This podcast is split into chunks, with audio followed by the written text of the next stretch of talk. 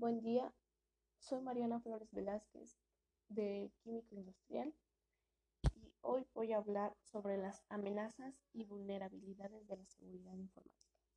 Antes de comenzar, debemos definir qué es una amenaza y una amenaza se define como el peligro o el anuncio de algún mal. Entonces, podemos definir qué es una amenaza informática. Una amenaza informática es alguna acción que tiende a causar un daño hacia los dispositivos o sistemas donde se almacena información. Y esto puede atentar contra la confidencialidad, la integridad y la disponibilidad de la información. Las amenazas a la seguridad informática se clasifican en humanas, lógicas y físicas.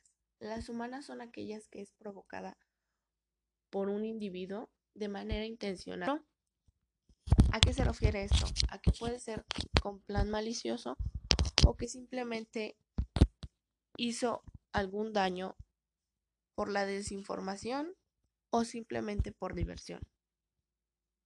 En este existen tres personas. El hacker, este más bien no se dedica a lastimar, sino crea. Es una persona que le interesa la información y que vive para aprender.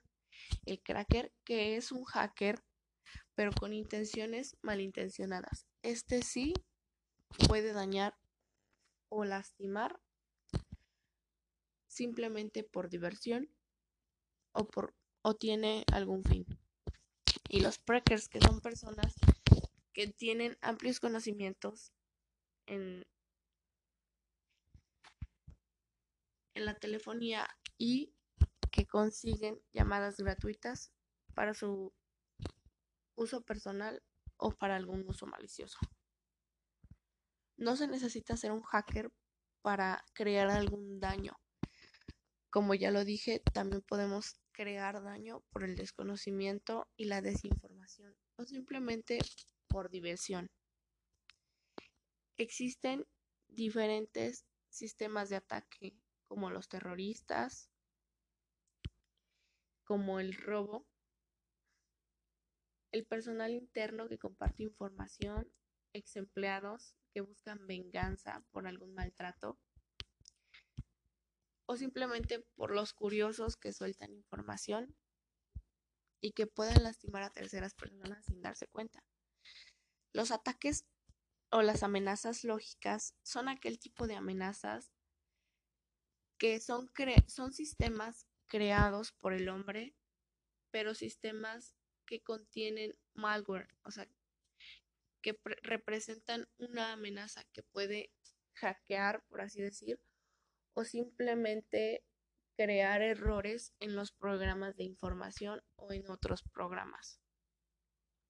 Como algunos conocemos a los troyanos, que son pequeños virus que parecen inofensivos, pero como su nombre lo indica, este, se meten como si fuera un sistema de caballo de Troya, ya que están adentro del sistema todos lo destruyen y es muy difícil regresarlo a su estado original. Y también los, los gusanitos, que son otro tipo de virus, que van hackeando y lastimando y pueden lastimar a personas revelando la información personal. El tercer tipo de, la tercer tipo de amenaza son las físicas. Este tipo de ataque está enfocado a la manera física y el contacto del hombre con la información. Pueden ser provocados o no, como los incendios, las inundaciones, los terremotos, las señales de radar y las instalaciones eléctricas. Antes vamos a explicar sobre las vulnerabilidades que pueden existir, pero antes necesitamos saber qué significa ser vulnerable. Eh, significa que puede ser herido o recibir alguna lesión. Entonces, existen siete tipos de vulnerabilidades en la, en la seguridad informática, como son las físicas, las naturales, de hardware, de software, de medios de almacenaje, de comunicación y humanas. Bueno, esto nos habla de los puntos débiles que tiene la seguridad informática en estos siete aspectos y que son muy importantes cuidar porque de esto depende la seguridad e integridad de las personas que confían la información.